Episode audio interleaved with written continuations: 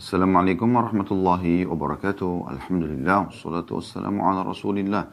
Segala puji dan puja kehadirat Allah subhanahu wa ta'ala juga salawat dan taslim kepada Nabi besar Muhammad sallallahu alaihi wa ala alihi wa sahbihi wasallam.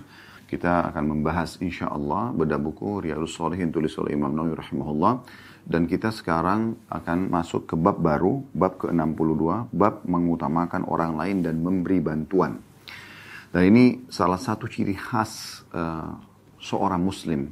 Bagaimana kita selalu dalam hidup kita, bagaimana um, mendahulukan orang lain daripada diri kita sendiri.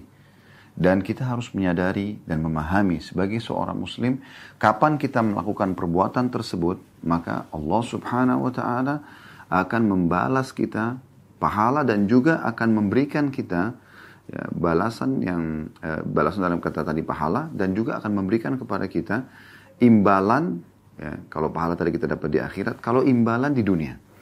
Imbalannya itu akan terjadi hal yang sama pada kita. Orang lain pun akan memberikan dan mendahulukan kita. Nah ini uh, seperti sebuah kaidah al jaza min jinsil amal, sesuatu itu akan kembali sesuai dengan perbuatan seseorang. Kalau hari ini kita berbuat baik pada orang lain, maka tentu besok kita akan dibaiki oleh orang lain. Kalau hari ini kita berbuat jahat, maka bisa saja kita juga akan dijahati oleh orang lain. Jadi ini uh, poin penting dalam pembukaan kita bagaimana kita memahami memang uh, salah satu akhlak seorang muslim mereka mendahulukan orang lain. Dalam arti kata di sini mereka kalau misal contoh antrian di saat kita melihat ada orang yang sangat mendesak, apakah itu antrian di perbankan, antrian di sebuah instansi, antrian me me me mendapatkan pembagian sosial, maaf, antrian di WC umum, kita lihat ada orang yang lebih mendesak, ya, maka kita dahulukan dia. Misal kita di kereta api, di bus, ada orang yang kita lihat mungkin ibu hamil, orang tua, atau orang yang sedang sakit ya, dia mungkin membutuhkan uh, duduk tempat duduk lalu kita dahulukan dia, maka ini hal yang uh, disebutkan ya atau yang dimaksudkan dalam bab kita ini uh, akan disebutkan dalam bab ini dan dimaksudkan oleh bab ini tentunya. Demikian juga dengan orang uh, misal uh, dia uh, membutuhkan sesuatu. Tapi dia tahu tetangganya, kerabatnya lebih butuh daripada dia. Makanan, minuman. Kemudian dia mendahulukan orang-orang ini. Dan ini terlalu banyak kisah dari para kaum salafus saleh tentang bagaimana Allah subhanahu wa ta'ala membalas seketika rezeki mereka karena mereka mendahulukan orang lain. Dan ini satu hal yang luar biasa yang harusnya kita fahami baik-baik. ya Kita fahami baik-baik. Baik, begitu juga dengan memberi bantuan di sini. ya Sama, jadi mendahulukan orang lain dan memberi bantuan. Jadi memang dua hal yang tidak bisa terpisahkan satu sama yang lainnya. Baik teman-teman sekalian, saya akan bacakan dalil pertama yang diangkat oleh Imam Nawawi rahimahullah dalam hal ini yaitu dalam surah Al-Hasyr ayat 9 A'udzu billahi minasyaitonir rajim wa yu'thiruna 'ala anfusihim walau kana bihim khasasa. Ya. Ini alangkah indahnya kalau kita kembali kepada lengkapnya ayat ini. Mari kita buka sama-sama surah Al-Hasyr ayat 9 dan uh, sebenarnya ayat ini teman-teman sekalian membicarakan tentang keutamaan akhlak muslimin asli Madinah ya, yang dikenal dengan Al-Ansar setelah masuk Islam julukan mereka maksudnya penolong Nabi Shallallahu Alaihi Wasallam. Mereka terdiri dari dua suku Aus dan Khazraj. Aus dan Khazraj. Mereka ini sangat luar biasa gitu. Pada saat Nabi Shallallahu Alaihi Wasallam hijrah di Madinah dan memberikan uh, atau membangunkan tiga pondasi dasar negara, gitu kan, yaitu membangun dua masjid Kuba dan masjid Nabawi agar ya, Muslimin punya tempat untuk sholat lima waktu menghadap Tuhan Allah Subhanahu wa taala dan juga bisa Jumat secara berjamaah juga uh, merupakan simbol ya, satu kota, satu negara. Kemudian juga muakhah yang kedua, persaudaraan antara pendatang dan penduduk setempat. Nah, penduduk setempat ini terdiri dari dua suku, Aus dan Khazraj tadi, yang disatukan istilahnya dalam Al-Quran, Al-Ansar. ya Karena mereka penolong Nabi SAW dan Ansar artinya penolong. Mereka ini waktu Nabi SAW persaudarakan dengan muhajirin, orang-orang yang hijrah dari Mekah, luar biasa gitu. Respon mereka sangat luar biasa. Gitu. Ini yang Allah puji dalam surah Al-Hasyr ini, karena mereka betul-betul loyalitasnya sangat luar biasa. Mereka berebut ya, apa, menyambut saudaranya pendatang muhajir ini dari Mekah dan uh, meminta agar mereka meminta agar mereka tinggal di rumah-rumah mereka. Dan setelah tinggal di rumah pun didahulukan dari sisi makanan, kamar yang mereka pakai tidur dan seterusnya gitu kan. Sampai-sampai ada di antara muhajirin yang sudah punya kemampuan mereka setelah sekian tahun tinggal di kota Madinah dan sudah punya kemampuan mereka pamit kepada pemilik rumah, pemilik rumah dari orang Ansar saya sudah punya kemampuan, tidak mungkin saya bergantung terus pada Anda. Saya pamit gitu, maksudnya saya mau keluar mungkin ya. Maka yang Ansar ini sedih, menangis gitu kan. Berharap supaya walaupun sudah mampu tolong jangan keluar. Karena luar biasa cintanya kepada ya saudaranya ini yang telah dibangunkan oleh Nabi alaihi salatu wassalam. Uh, sebagai pondasi gitu. Dan yang ketiga adalah muahada atau kesepakatan damai dengan orang-orang non-muslim. Baik teman-teman sekalian, kita coba lihat surah Al-Hasyr. A'udzu billahi minasyaitonir rajim. والذين تبوأوا الدار والإيمان من قبلهم يحبون من هاجر إليهم ولا يجدون في صدورهم حاجة مما أوتوا ويؤثرون على أنفسهم ولو كان بهم خصاصة ومن يوق شح نفسه فأولئك هم المفلحون Makna ayat ini dalam sekali. Allah memuji secara langsung seluruh secara global penduduk asli Madinah yang muslim. yang tadi sudah saya bilang dari dua suku Aus dan Khazraj dan julukan mereka setelah Islam adalah Al-Ansar. Di sini Allah Subhanahu wa taala memuji mereka teman-teman sekalian ya dan mengatakan orang-orang yang telah menempati kota Madinah ya dan telah beriman dalam kurung Ansar jadi mereka asli Madinah. Sebelum kedatangan mereka, maksudnya dalam kurung muhajirin. Mereka itu orang-orang ansar mencintai orang-orang yang berhijrah kepada mereka atau para muhajirin. Dan mereka ansar tiada menaruh keinginan dalam hati mereka terhadap apa-apa yang diberikan kepada para muhajirin. Dan mereka mengutamakan orang-orang muhajirin. Ini yang di potongan ayat tadi yang diambil oleh Imam Nawawi rahimahullah adalah ini wa yu'thiruna ala anfusihim walau kana bihim khasasa dan mereka ya mengutamakan orang-orang muhajirin daripada diri mereka sendiri sekalipun mereka dalam keadaan kesusahan dan siapa yang dipelihara atau diselamatkan dari kekikiran dirinya maka sungguh mereka adalah orang-orang yang beruntung ya. dan ini satu hal yang luar biasa gitu bagaimana Allah puji sifat mereka mereka mencintai para pendatang Coba. Bukankah sekarang yang banyak terjadi justru rasis ya? Maksudnya mereka justru ya uh, memperlihatkan kebencian terhadap para pendatang ya. Oh, kamu kan bukan dari kota sini. Kamu dari sana, kamu pendatang, pulanglah ke kota kamu. Begini dan begitu. Ya. Jadi dia, mereka menjelek-jelekkan para pendatang-pendatang ini. Dan ini aneh gitu, tanpa melihat orang ini baik atau tidak. Padahal sebenarnya berapa banyak pendatang-pendatang yang datang gitu kan, ke wilayah kita, ternyata dia adalah orang-orang yang memberikan manfaat sangat besar. Gitu kan. Apalagi di saat mereka beriman sama dengan iman kita. Maka mereka akan meramaikan masjid. Mungkin di saat mereka punya kemampuan mereka membangun masjid. Uh, kemudian mereka juga ikut uh, membaca belajar Al-Quran atau mempelajari Al-Quran atau mengajarkan Al-Quran di saat mereka punya keterampilan baca Al-Quran itu.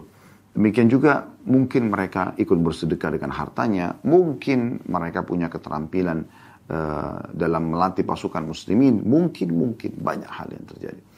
Nah ini uh, hal yang uh, luput dari banyak orang. Gitu.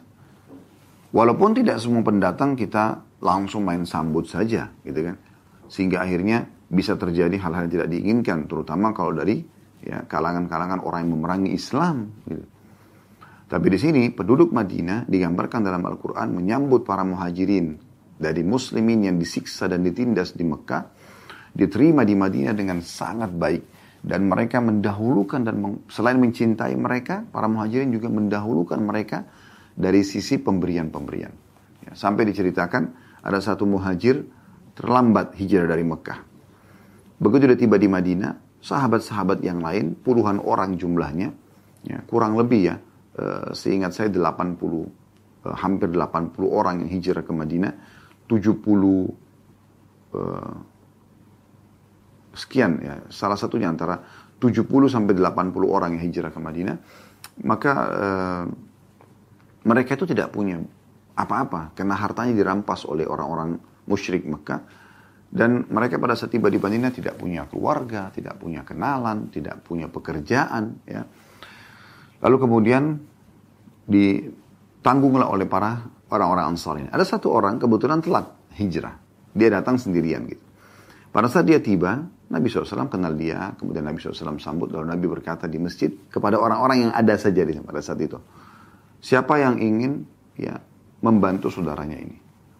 Maka ada satu orang Ansar, kebetulan dia orang susah dan dia tidak punya, ya, belum ada orang muhajir yang puluhan yang hijrah sebelumnya yang sempat dia uh, berikan khidmah, bantuan, ya, pertolongan kepadanya. Dia mengatakan saya Rasulullah. Padahal dia tidak punya apa-apa ini orang. Gitu. Tidak punya apa-apa. Kemudian tiba-tiba saja uh, Nabi SAW mengatakan, baiklah, bawalah saudaramu ini. Dibawalah ke rumah.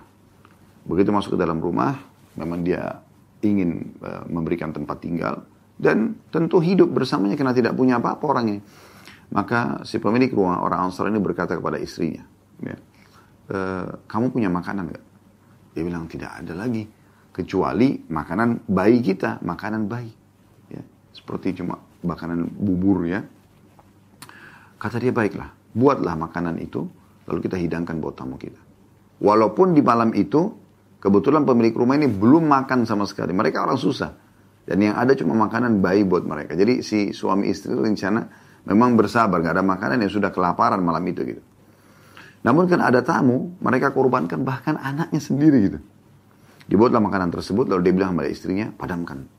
Maksudnya pada saat itu kan orang menggunakan uh, uh, minyak zaitun, lalu ada sedikit sumbu yang membuat ada api ya. Uh, dipadamkanlah, supaya memberikan gambaran kalau pemilik rumah akan tidur. Dengan tujuan agar tamu ini nggak malu makan. Khusus untuk titik-titik ruangan tertentu dipadamkan. Gitu. Supaya tamu ini tahu kalau tuan rumah tidur maka dia leluasa makan ya. Dia tidak merasa risih gitu. Dan e, tamu pun tidak tahu kalau sebenarnya pemilik rumah tidak punya apa-apa.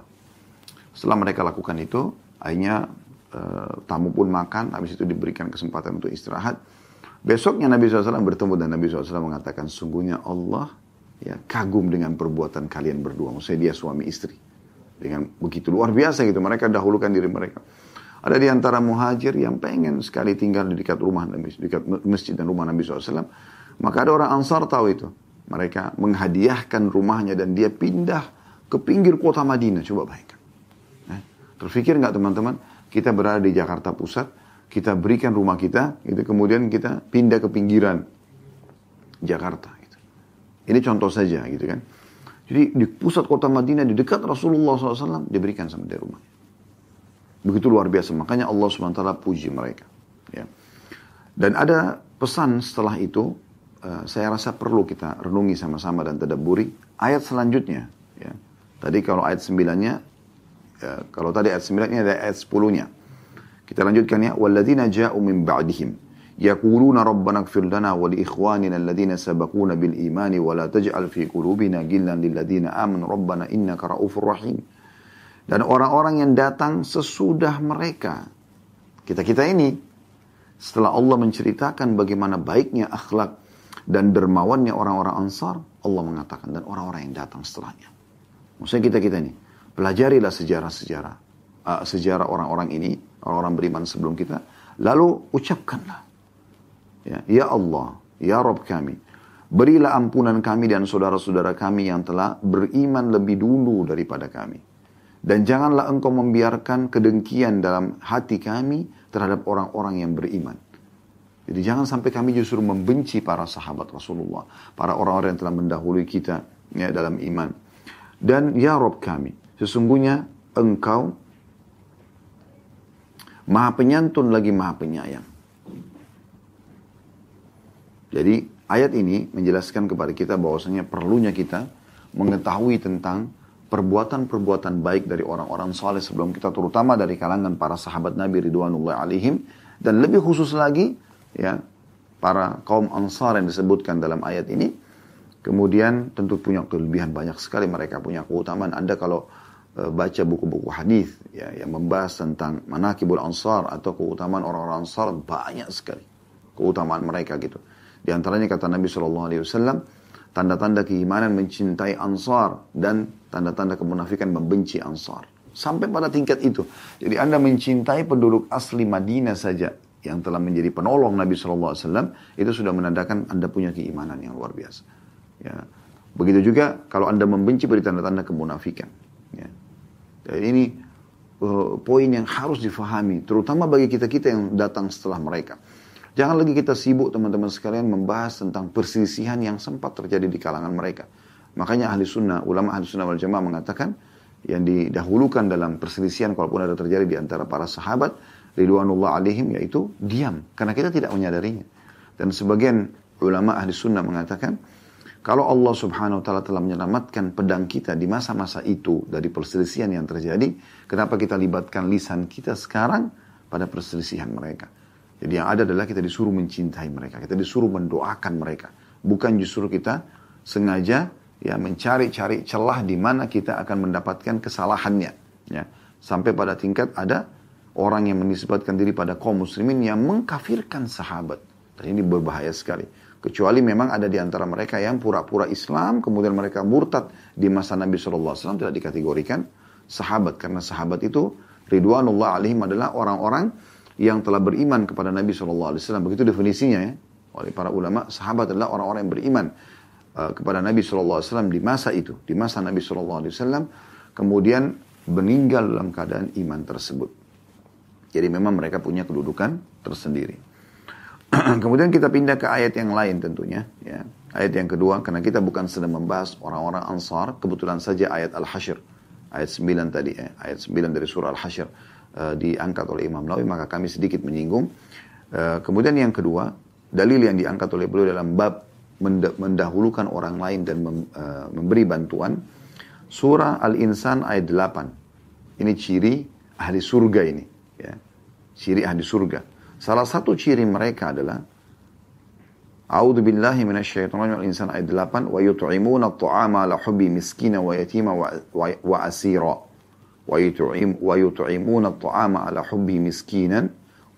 yatima wa asira dan mereka memberikan makanan yang disukai oleh orang-orang miskin, anak yatim dan orang-orang yang ditawan.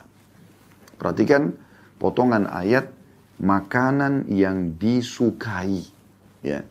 Jadi bukan ya, makanan yang kita tidak sukai, makanan yang kita paling favoritkan itu yang sedekahkan kepada orang miskin. Bukan hanya selalu sisa-sisa makanan, ya. Tapi bagaimana kita memberikan yang kita suka, yang kita suka penataannya, yang kita suka jenisnya, yang kita suka aromanya, yang kita suka cita rasanya, itu yang disedekahkan. Allah subhanahu wa ta'ala menyuruh kita, sedekahkan itu. Ya, sedekahkan itu. Dan ini ciri ahli surga. Ya. Bagaimana kita memberi bantuan kepada orang, tapi yang kita suka. Kalau kita di posisi orang tersebut, suka nggak kalau kita menerima ini? Ini bab yang luar biasa gitu ya. Yang harus kita pahami baik-baik. Supaya lebih jelas, coba kita kembali kepada surah Al-Insan. Ya. Karena ini adalah potongan ayat. Saya bacakan dari ayat satunya dulu. A'udzubillahi minasyaitonirrajim. Hal ata 'alal insani hinu minad dahri lam yakun syai'an madhkura. Bukankah telah datang atas manusia itu satu waktu dari masa ya, sedang dia ketika itu belum merupakan sesuatu yang dapat disebut. Maksudnya bagi orang-orang yang sudah sampai pada tingkat jabatan yang tinggi, harta yang melimpah, ya, nama yang harum, martabat segala macam, kesempurnaan fisik, keturunan, pasangan hidup, apalah gitu kan. Uh, atau mungkin uh, dia lebih senior, lebih tua misalnya. Tapi Allah mengatakan, bukankah sudah da datang waktu ya, seseorang itu harusnya merenungi di mana dia belum di, pernah dikenal sebelumnya. Dari mana dia? Dari status sperma yang tidak dikenal gitu ya. Allah mengatakan ayat 2-nya inna khalaqnal insana min nutfatin amsyadin nabtali faja'alnahu sami'an basira. Sesungguhnya kami telah menciptakan manusia dari tetes mani yang bercampur dan kami hendak mengujinya. Maksudnya dalam kurung dengan perintah dan larangan. Artinya Allah ciptakan kita dari sperma kemudian Allah menguji kita. Setelah lahir ada beban syariat. Ya, ada yang diperintahkan yang wajib, ada yang sunnah dan ada yang dilarang, yang haram dan makruh misalnya. Karena itu kami jadikan mereka mendengar, dia mendengar dan juga bisa melihat. Jadi tujuan kita bisa mendengar dan melihat adalah untuk patuh atas perintah Allah meninggalkan larangannya. Itu tujuan hidup kita. Lalu Allah mengatakan ayat tiganya, Inna hadainas sabila, imma syakiran wa imma kafura. Sesungguhnya kami telah menunjukkan jalan yang lurus. Ada yang bersyukur, ada pula yang kafir. Kami telah turunkan kitab Al-Quran, kami telah utus Muhammad SAW sebagai uh, Rasul, lalu diikuti oleh para sahabat yang menjadi contoh-contoh yang baik untuk diikuti gitu. Hmm. Tapi ada orang yang bersyukur dengan itu, kemudian mereka beriman dan beramal saleh, ada orang yang kufur. Lalu ayat empatnya Allah mengatakan, Inna a'tadana lil kafirina salasila wa aglala wa sa'ira. Sesungguhnya kami menyediakan bagi orang-orang kafir itu rantai belenggu dan neraka yang menyala-nyala. Orang-orang yang tidak mau bersyukur, tidak mau mengikuti syariat Allah subhanahu wa ta'ala, tidak mengikuti Al-Quran, tidak mempelajarinya, tidak menerapkan peraturannya dalam hidupnya, juga tidak mengikuti ajaran Nabi Wasallam, maka mereka disiapkan api neraka. Dan ini Allah uh, sebutkan ancaman api neraka satu. Tapi perhatikan setelahnya, di ayat 5 dan beberapa ayat setelahnya, ini Allah sebutkan bagi orang-orang yang mau beriman dan beramal soleh. Ayat 5-nya, Innal abrara yashrabuna min ka'sin kana mizajuha kafura. Sesungguhnya orang-orang yang berbuat kebajikan, maksudnya beriman dan beramal soleh, maka akan diberikan minuman dari gelas dalam kurung berisi minuman yang bercampurkan dengan air kafur. Ayat 6-nya, "Aina yashrabu biha ibadullah yufajjirunaha tafjira."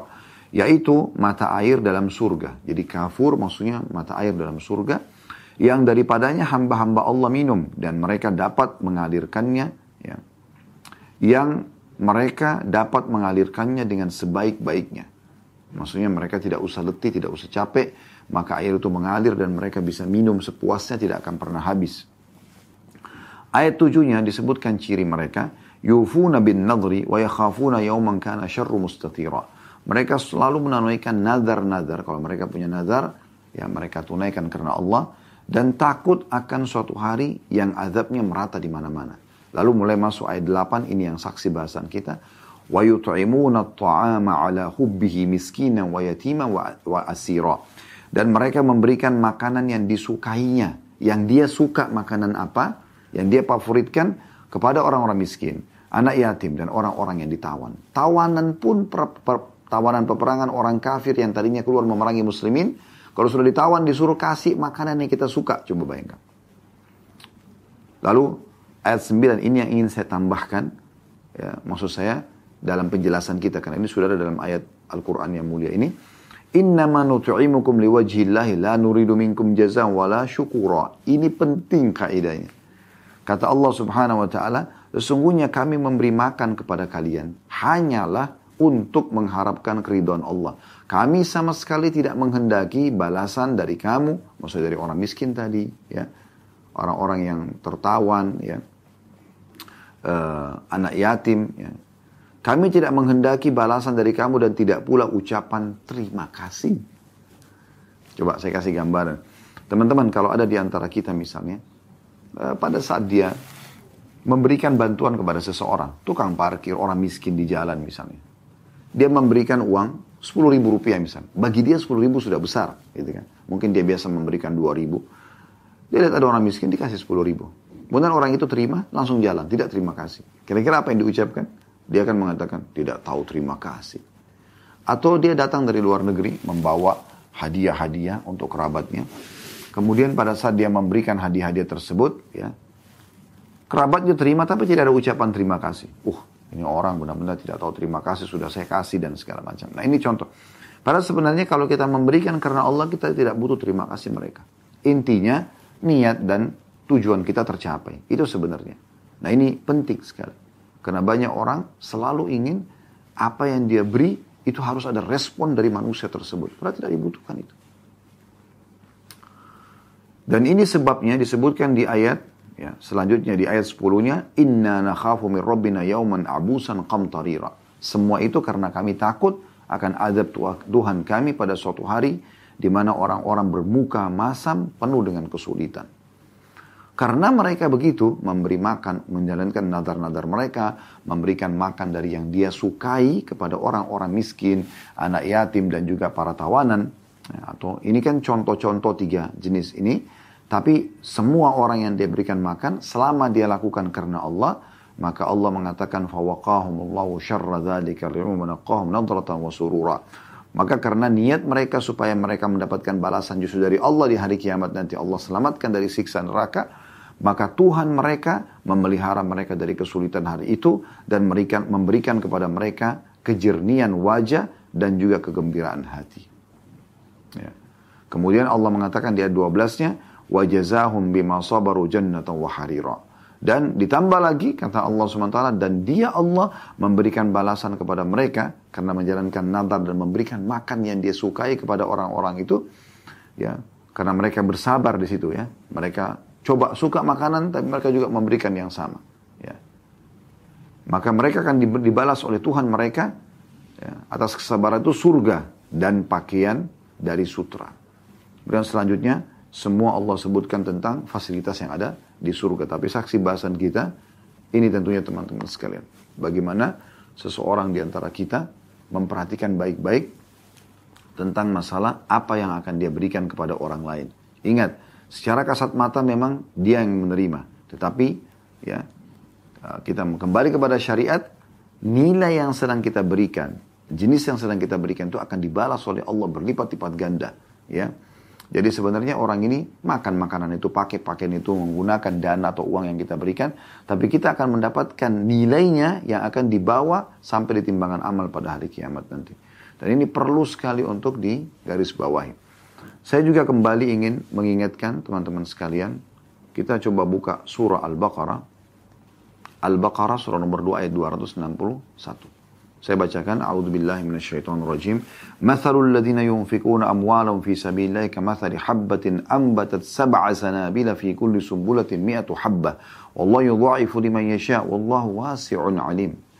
Perumpamaan nafkah atau uang atau harta yang dikeluarkan oleh orang-orang yang menafkahkan hartanya di jalan Allah adalah serupa dengan sebutir benih. Kalau Anda punya benih yang Anda ingin tanamkan di tanah ya sebutir benih yang menumbuhkan tujuh bulir. Pada tiap-tiap bulir seratus biji. Jadi satu benih tumbuh tujuh bulir, satu bulir ada seratus benih. Allah melipat gandakan ganjaran bagi siapa yang dia kehendaki. Dan Allah maha luas karunianya. Maksudnya rezeki yang akan Allah balaskan. Allah tidak akan pernah habis apa pun yang ada di sisi Allah Subhanahu wa taala. Tidak ada tidak habis stoknya. Rezekinya Allah luas. Bagi ya, apa Allah Maha luas rezeki karunia-Nya bagi Maha ya, mengetahui. Jadi dari ayat ini kita lihat bagaimana Allah subhanahu wa ta'ala memastikan orang yang berinfak Allah akan balas. Jadi tidak perlu pelit, tidak perlu perhitungan. Makin besar anda berikan jalan Allah, makin besar juga balasan Allah. Ayat 262-nya. Alladzina yunfikuna amwalum fi sabilillah thumma la yutbi'una ma anfaku mannan wala adan lahum ajrum 'inda rabbihim. Lahum ajrum 'inda rabbihim wala خوف عليهم wala hum yahzanun. Orang-orang yang menafkahkan hartanya di jalan Allah, kemudian mereka tidak mengiringi apa yang dinafkahkan itu dengan menyebut-nyebut pemberiannya. Perhatikan. Kalau tadi dalam surah Al-Insan, tidak menyakiti, ya apa, uh, dia tidak mengharapkan balasan tidak harapkan ucapan terima kasih. Ya. Kalau di sini ditambahkan lagi dalam ayat ini, dia tidak menyebut-nyebut pemberiannya. Kamu kan sudah saya bantu begini. Kamu kan sudah saya berikan makanan, kamu sudah saya berikan pakaian, kamu sudah saya berikan pekerjaan dan segala macam. Dan juga dengan tidak menyakiti perasaan si penerima. Hmm. Jadi pengemis itu raja di mata seorang mukmin. Karena dia dianjurkan untuk memberi, Allah menunjukkan memberi dan dengan itu Allah berikan dia seperti mana tadi sudah dijelaskan di ayat sebelumnya, 261-nya. Kalau orang berinfak seperti sekecil sampai sebesar apa pun, dia seperti sebuah benih. Benih itu akan menumbuhkan tujuh bulir, satu bulir ada seratus. Ya, ya. Jadi di setiap uh, satu benih itu ada tujuh bulir, dan satu bulir ada seratus biji. Jadi ini Pemberian yang luar biasa gitu. Lalu kata Allah subhanahu wa ta'ala, mereka akan memperoleh pahala di sisi Tuhan mereka, tidak ada kekhawatiran terhadap mereka, dan tidak pula mereka bersedih hati. Lalu ayat 263-nya Allah mengatakan, Qaulun ma'rufun maghfiratun khairun min sadaqatin yatba'uha adha wallahu ghaniyyun halim. Perkataan yang baik dan pemberian maaf lebih baik daripada lebih baik daripada sedekah yang diiringi dengan sesuatu yang menyakitkan perasaan si penerima. Allah Maha Kaya lagi Maha Penyantun. Artinya, kalau kita lagi tidak punya apa-apa, ya, atau kita belum bisa membantu pada saat itu kita mengatakan maafin saya nanti lain waktu misalnya. Itu lebih baik daripada kita memberi tapi sambil kita ya marah-marah, ya. Mencaci maki, menghardik sambil memberi, sambil melempar uang yang kita berikan. Semoga Allah selamatkan kita dari sifat-sifat seperti ini. Lalu Allah subhanahu wa ta'ala mengatakan ayat selanjutnya, ayat 264-nya. Ya ayuhalladzina amanu. La tubtilu sadaqatikum bil manni wal adha kalladhi yunfiku malau ri'a an-nasi wa la yu'minu billahi wal yawmil akhir. فمثلوا كمثل صفوان عليه تراب فأصاب وابل فتركه صلدا لا يقدرون على شيء مما كسبوا والله لا يهدي القوم الكافرين Hai orang-orang yang beriman, janganlah kamu menghilangkan pahala sedekahmu Jangan sampai tidak ada balasannya. Tidak dapat tadi seperti satu benih ya menumbuhkan satu bulir, satu bulir, eh, tujuh bulir, satu bulir ada seratus biji. Ya. Jangan sampai kamu kehilangan itu. Atau ada balasan di dunia yang Allah berikan tambahan kesehatan, kekuatan, keturunan, rezeki yang melimpah. Jangan sampai kamu menghilangkan pahala sedekahmu. Bagaimana? Bisa bisa bisa hilang dengan menyebut-nyebutnya dan menyakiti perasaan si penerima. Seperti orang yang menafkahkan hartanya karena ria kepada manusia dan dia tidak beriman kepada Allah dan hari kemudian. Maka perumpamaan yang itu seperti batu licin. Perumpamaan mereka yang mereka infakkan sambil marah-marah ya. Ria itu. Perumpamaan adalah seperti batu licin yang di atasnya ada tanah. Anda lihat kalau batu licin lalu ditaruh taburin tanah di atasnya. Ya. Kemudian batu itu ditimpa hujan yang lebat lalu menjadilah dia bersih atau dalam kurung tidak bertanah. Mereka tidak menguasai sesuatu pun dari apa yang mereka usahakan dan Allah tidak memberi petunjuk kepada orang-orang kafir. Ini ini bertubi-tubi Allah sebutkan ya masalah infak. Ayat 265-nya. ومثل الذين ينفقون أموالهم ابتغاء مرضات الله وتثبيتا من أنفسهم كمثل جن كمثل جنة بربة أصابها وابل فآتت أكلها فآتت أكلها ضعفين فإن لم يصبها وابل فطل والله بما تعملون بصير Perumpamaan orang-orang yang membelanjakan hartanya, menafkahkan di jalan Allah. Karena mencari keriduan Allah dan untuk keteguhan jiwa mereka. Maksudnya di atas keimanan. Adalah seperti sebuah kebun yang terletak di daratan tinggi yang disiram oleh hujan lebat.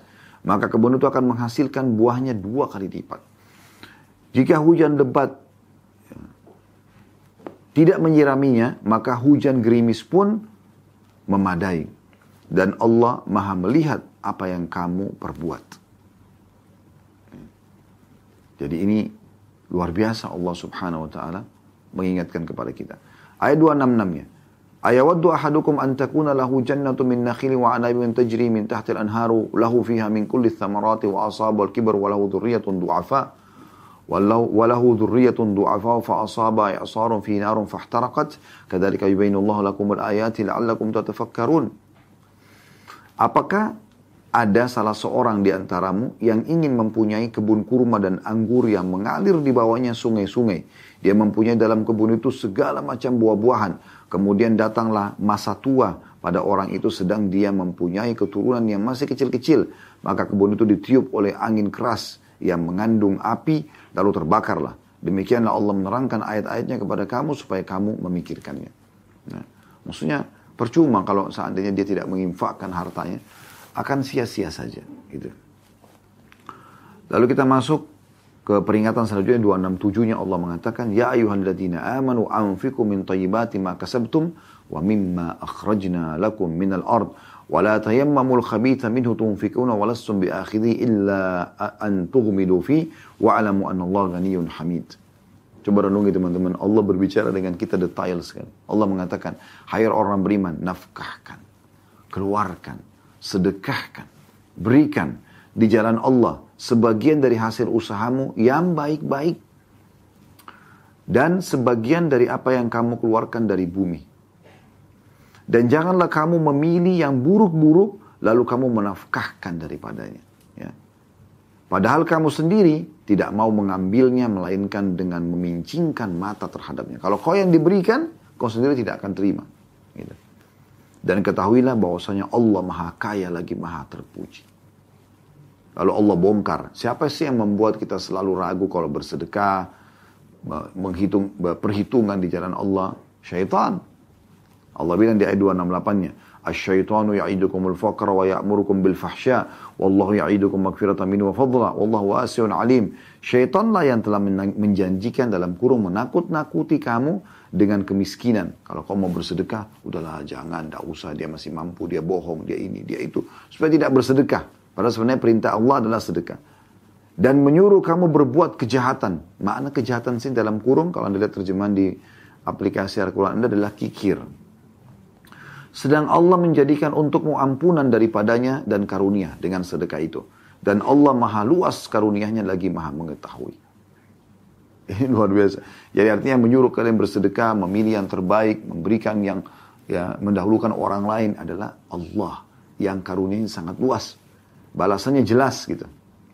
Sementara yang membuat kalian ragu adalah syaitan. Ayat 269 ya. Yu'til hikmata man yasha' وَمَنْ يُؤْتَ الْحِكْمَةَ فَقَدْ أُوتِيَ خَيْرًا كَثِيرًا وَمَا يَذَّكَّرُ إِلَّا أُولُو الْأَلْبَابِ Allah menganugerahkan al-hikmah, maksudnya kepahaman terhadap Al-Quran dan Sunnah, supaya akhirnya uh, dia ingin mengaplikasikan dan uh, merealisasikan dalam kehidupannya, termasuk dalam masalah ini adalah masalah sedekah. Ya. Allah memberikan al-hikmah kepada siapa yang dikehendakinya dan barang siapa yang dianugerahi hikmah, dia faham Al-Quran dan Sunnah, maka ia benar-benar telah dianugerahkan karunia yang sangat banyak. Dan hanya orang-orang yang berakal lah yang dapat mengambil pelajaran dari firman Allah itu. 270-nya, perhatikan dari 261, bertubi-tubi, berurut Allah sebutkan tentang masalah infakin. Wa ma anfaqtum min nafaqatin aw nadartum min nadrin fa inna Allah ya'lamu ma ansar. Apa saja yang kamu nafkahkan. Dilihat orang atau tidak dilihat orang, yang penting kau ikhlas karena Allah.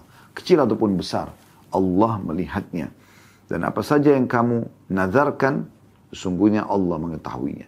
Orang-orang yang berbuat zalim, tidak ada seorang penolong pun baginya. Saja zalim terhadap dirinya, kalau dia tidak mau membantu orang lain. Karena dia kehilangan peluang mendapatkan tambahan rezeki dari Allah karena dia bersedekah. Dan juga mendapatkan pahala yang melimpah di akhirat nanti. Serta juga menyelamatkan diri dari sifat kikir. Ya. Dan dia mengiyakan bisikan-bisikan syaitan. Ayat 271-nya, in tubdus sadaqati fa ni'mahi wa in tukhfuha wa tu'tuha al-fuqara fa huwa khairun lakum wa yukaffiru ankum min sayyi'atikum wallahu bima ta'maluna khabir. Jika kamu menampakkan sedekahmu maka itu adalah baik sekali. Kalau seandainya ada orang minta di depan pinggir jalan, di depan kantor, depan rumah, orang lain lagi lewat, kita tidak mungkin tunda, berikan saja. Kata Allah itu baik, tergantung kita kontrol niat kita saja. Maka itu adalah baik sekali. Dan jika kamu menyembunyikannya dan kamu berikan kepada orang-orang fakir, maka menyembunyikan itu lebih baik lagi bagimu. Dan Allah akan menghapuskan dari kamu dengan sedekah itu sebagian kesalahan-kesalahanmu. Dan Allah mengetahui apa yang kamu kerjakan. Ya. Jadi ini peringatan-peringatan Allah SWT tentang masalah sedekah. Ayat 272-nya, "Laisa 'alaika hudahum walakin Allah yahdi man yasha, wa ma min khairin fali anfusikum wa ma tunfiquna illa ibtigha' illa butigha wajhillah wa ma tunfiqu min khairin yuwaffa ilaikum wa antum la tudlamun. Bukanlah kewajibanmu menjadikan mereka hai Muhammad mendapatkan petunjuk. Itu cuma tugasnya menyampaikan saja. Nabi SAW menyampaikan. Para ulama, para dai cuma menyampaikan. Seperti kami berceramah seperti ini cuma menyampaikan. Allah memberikan petunjuk bagi siapa yang mau menerima dan mengamalkan gitu ya. Akan tapi Allah lah yang telah memberi petunjuk atau memberi taufik siapa yang dikehendakinya. Dan apa saja harta yang baik yang kamu nafkahkan di dalam Allah, maka pahalanya itu untuk kamu sendiri. Manfaatnya kembali kepada kamu. Dan janganlah kamu membelanjakan sesuatu melainkan karena mencari keridhaan Allah. Jangan keluarkan kecuali karena mencari ridho Allah supaya ada hasilnya, ada manfaatnya. Dan apa saja harta yang baik yang kamu nafkahkan, niscaya kamu akan diberi pahalanya. Dengan cukup sedangkan kamu sedikit pun tidak akan dianiaya. Jadi ini luar biasa gitu ya. Dan begitu juga di ayat setelahnya ayat 273-nya juga Allah menyebutkan kalau Allah mengetahui tentang apa pun yang kita infakkan. Allah mengatakan lil fuqara illadzina uhsiru fi sabilillahi la yastati'una darban fil ard agniya min at-ta'affufi ta'rifun bisimahum la yas'aluna an-nasa ilhafa wa ma tunfiqu min khairin fa innallaha bihi alim. Berinfaklah kepada orang-orang fakir yang terikat oleh jihad di jalan Allah. Uh, mereka tidak tidak berusaha di bumi, mereka tidak punya kemampuan karena mereka sedang berjihad. Orang-orang tidak tahu, menyangka mereka adalah orang-orang kaya karena mereka memelihara diri dari mengemis atau meminta-minta. Kamu kenal mereka dengan melihat sifat-sifat mereka. Mereka tidak meminta kepada orang secara mendesak. Dan apa saja harta yang baik yang kamu nafkahkan dan Allah, maka sungguhnya Allah mengetahuinya. Ya. Ayat 274-nya, di sini terakhir ya, dari ayat 261 sampai 274 tentang masalah sedekah ini dan membantu orang lain. Allah mengatakan alladzina yunfikuna amwalahum bil-laili wan-nahari sirran wa alaniyatan falahum ajrun 'inda rabbihim wa la khaufun 'alaihim wa la hum yahzanun. Orang-orang yang sibuk menafkahkan hartanya di jalan Allah, di waktu malam dan di waktu siang secara sembunyi-sembunyi dan terang-terangan, maka mereka mendapat pahala di sisi Tuhan mereka, ya, dan tidak ada kekhawatiran terhadap mereka dan tidak pula mereka bersedih hati. Jadi luar biasa manfaat daripada membantu dan bersedekah kepada orang lain. Dan ingat, selalu tadi dalam surah Al-Insan ayat 8 diingatkan, kita tidak berharap ya Eh, balasan, timbal balik, makanan yang kita berikan tetangga, hadiah yang kita berikan kepada kerabat atau teman-teman. Kita tidak pernah berharap ada balasannya. Karena Allah subhanahu wa ta'ala. Ya, kita berharap Allah subhanahu wa ta'ala yang membalas kita. Bukan dari orang tersebut. Tidak berharap terima kasih. Kemudian di dalam surah tadi Al-Baqarah dijelaskan. ya Tidak menyebut-nyebutnya. Man. Tidak juga azza. Tidak menyakiti perasaan penerima. Coba. Inilah yang harus kita terapkan. Dan kita harus fahami teman-teman sekalian juga sebagai prinsip dasar seorang muslim. Kalau kita bersedekah, kita lebih butuh terhadap sedekah tersebut daripada orang yang menerimanya. Sehingga kita selalu rindu kepada para orang-orang miskin dan yang membutuhkan. Kita selalu membantu mereka. Karena memang kita mendapatkan pahala dari balasan tersebut. Dan harta itu, itulah caranya satu-satunya agar harta itu bisa dibawa ke timbangan amal kita nanti pada hari kiamat.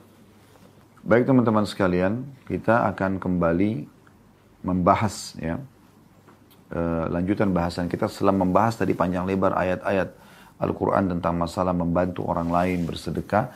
Kita akan coba membahas hadis pertama dalam bab kita ini. Hadis pertama di sini ya, yang disebutkan oleh Imam An-Nawawi rahimahullah adalah hadis nomor 569 dari awal belajar ya. Berbunyi dari Abu Hurairah radhiyallahu anhu, beliau berkata, جاء رجل إلى النبي صلى الله عليه وسلم فقال إني مجهود. فأرسل إلى بعض نس إلى بعض نسائه فقالت والذي بعثك بالحق ما عندي إلا ماء ثم أرسل إلى الأخ إلى أخرى فقالت مثل ذلك حتى قلنا كلهن مثل ذلك. لا والذي بعثك بالحق ما عندي إلا ماء فقال النبي صلى الله عليه وسلم من يضيف هذا الليل فقال الرجل من الأنصار أنا يا رسول الله فانطلق به إلى رحله فقال لامرأته أكرمي ضيف رسول الله صلى الله عليه وسلم Seorang laki-laki datang kepada Nabi Shallallahu Alaihi Wasallam. Lalu dia berkata, sungguhnya saya sangat kesusahan. Dia mengeluh dengan Nabi SAW karena dia sangat sulit Ya, tidak ada makanan, tidak ada minuman, tidak ada tempat tinggal gitu. Maka beliau sallallahu alaihi wasallam mengutus seseorang kepada istri beliau, salah dari istri Nabi SAW. Maka istri, maksudnya ada makanan gak, ada minuman gak, ada yang apa yang bisa kita berikan kepada orang yang sedang susah ini gitu. Maka istri beliau menjawab demi Allah yang telah mengutus anda dengan kebenaran, saya tidak memiliki apa-apa kecuali hanya air saja. Kalau mau dikasih air ada, tapi yang lain tidak ada. Di rumah Nabi SAW tidak ada gitu. Kemudian beliau mengutus seseorang ke rumah istri yang lain. Maka dia pun, istri yang lain pun menjawab jawaban yang sama. Hingga seluruh istri Nabi SAW menjawab pertanyaan atau jawaban yang sama. Yaitu, tidak demi Allah yang mengutus anda dengan kebenaran. Saya benar-benar tidak memiliki kecuali hanya air saja. Maka Nabi SAW bersabda kepada sahabat yang ada di masjid beliau, siapa yang berkenan menjamu tamu ini pada malam ini. Maka seseorang dari Ansar berkata, saya ya Rasulullah. Lalu dia berangkat membawanya ke rumahnya dan berkata kepada istrinya, muliakanlah tamu Rasulullah Sallallahu Alaihi Wasallam. Nah, ini riwayat gitu ya. Riwayat yang lain kita bacakan dulu semuanya lengkap ya. Dalam riwayat yang lain, hal indaki syai? Qalat la illa quta sibyani. Qala fa'allihi ya. Fa'allilihim bi syai. Wa idza aradu al-'asha'a fanawwimihim. Idza dakhala dhayfuna fa'adfi as-siraja wa'arihi ana an wa'arihi anna na'kul. فقعدوا وأكل الضيف وبات طاوبين وبات طاويين. فلما أصبح غدا على رسول الله غدا على النبي صلى الله عليه وسلم فقال لقد عجب الله من صنيعكما بضيفكما الليلة. Dia berkata orang Ansar ini kepada istrinya, apa kamu mempunyai sesuatu? Karena tadi kan dia sempat mengambil ya tawaran Nabi SAW untuk menjamu tamu ini. Maka istrinya menjawab tidak, kecuali makanan pokok anak-anak. Maka si pemilik rumah, si laki-laki ini, si suami mengatakan, kalau gitu bujuklah mereka para anak-anak dengan sesuatu dan jika mereka hendak makan malam, maka tidurkanlah mereka.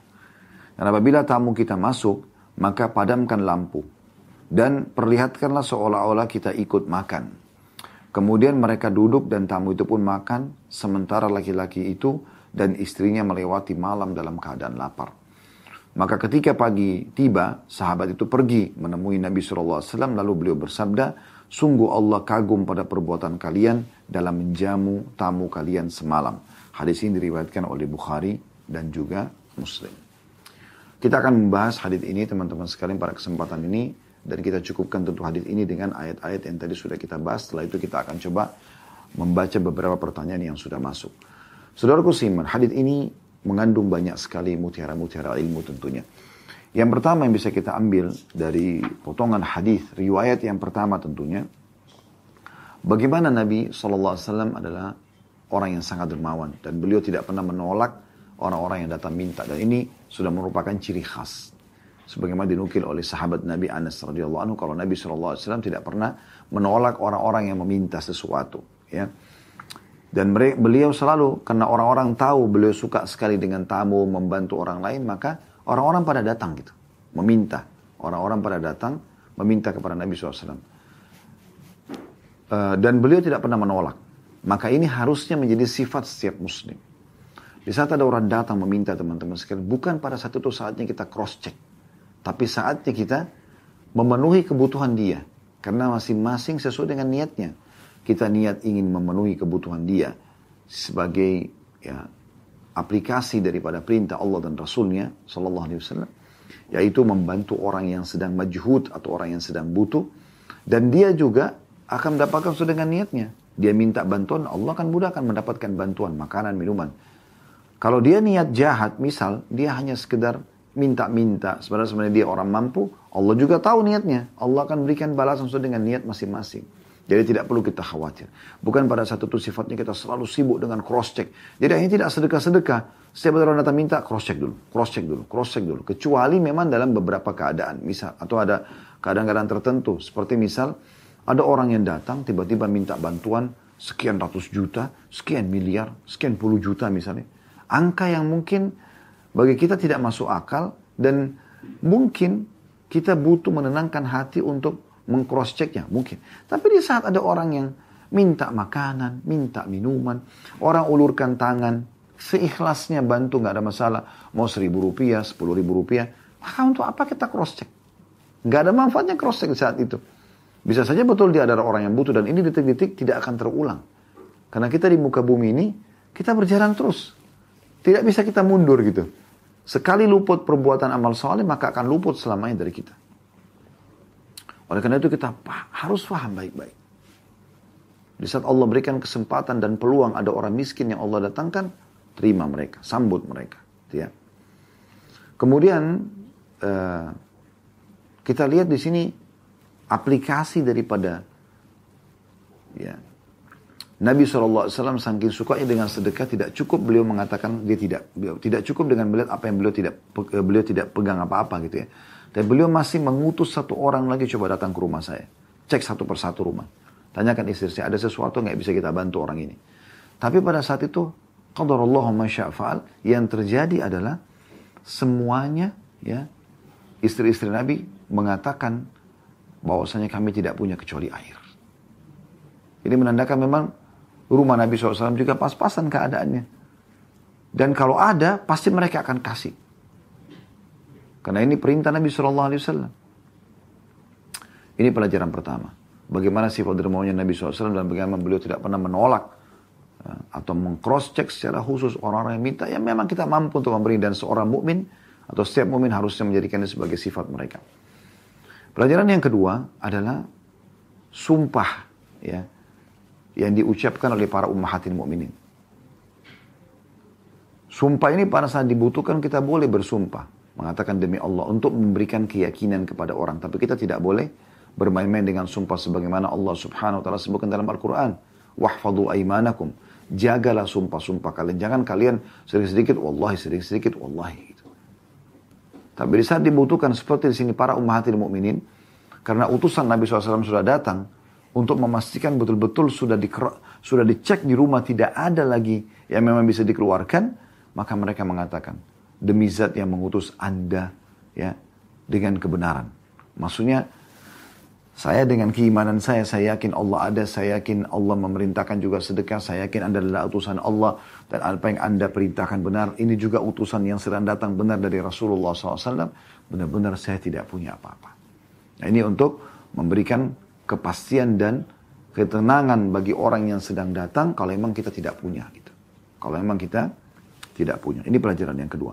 Pelajaran yang ketiga dari riwayat adalah bagaimana kita boleh mengalihkan ya kepada orang yang menurut kita dia tidak terganggu kalau kita mengutus seseorang yang sedang minta bantuan atau kita minta tolong dengan dia via telepon, via WA. Ini ada orang miskin yang sedang datang, betul-betul butuh bantuan. Ini ada orang terlilit utang, ini ada orang yang begini dan begitu. Mau uh, kembali ke negaranya, ke kotanya, ke kampungnya, tapi tidak ada transportasi uh, ini ada orang anaknya sakit, butuh biaya rumah sakit dan seterusnya. Kita tidak mampu membantu, tapi kita bisa alihkan kepada orang lain. Maka ya kita akan dapat pahalanya. Itu dibolehkan. Makanya Nabi SAW mengatakan kepada para sahabat, siapa yang mau ya uh, apa namanya uh, menjadikan orang ini sebagai tamunya di malam ini, supaya terpenuhi dulu kebutuhannya. Besok baru kita lihat lagi itu.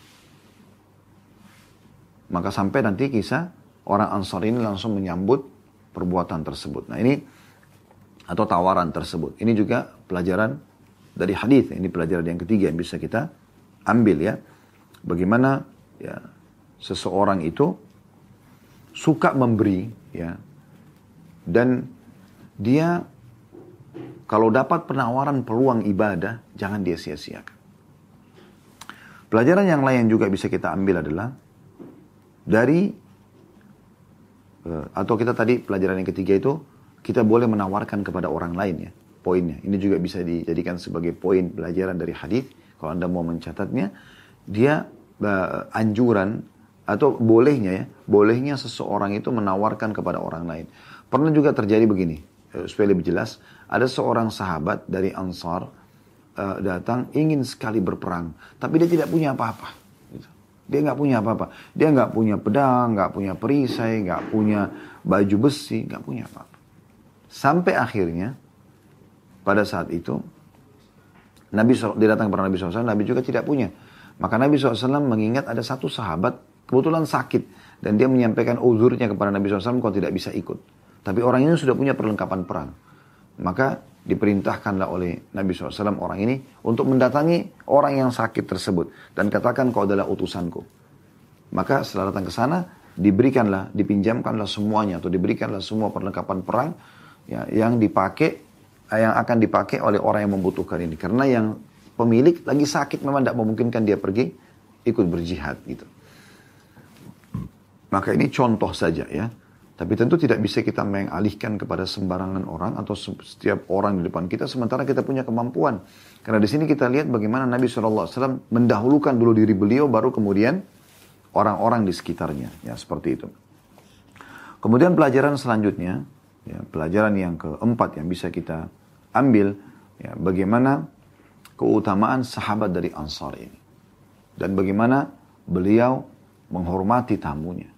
Sampai-sampai pada tingkat seperti tadi di awal ya kita jelaskan uh, mungkin saya ada kekeliruan menyebutkan kalau dari muhajirin seingat saya soalnya ada riwayat yang menjelaskan itu adalah muhajir yang telat hijrah dari Madinah uh, dari Mekah ke Madinah. Mungkin itu ada riwayat yang lain ya.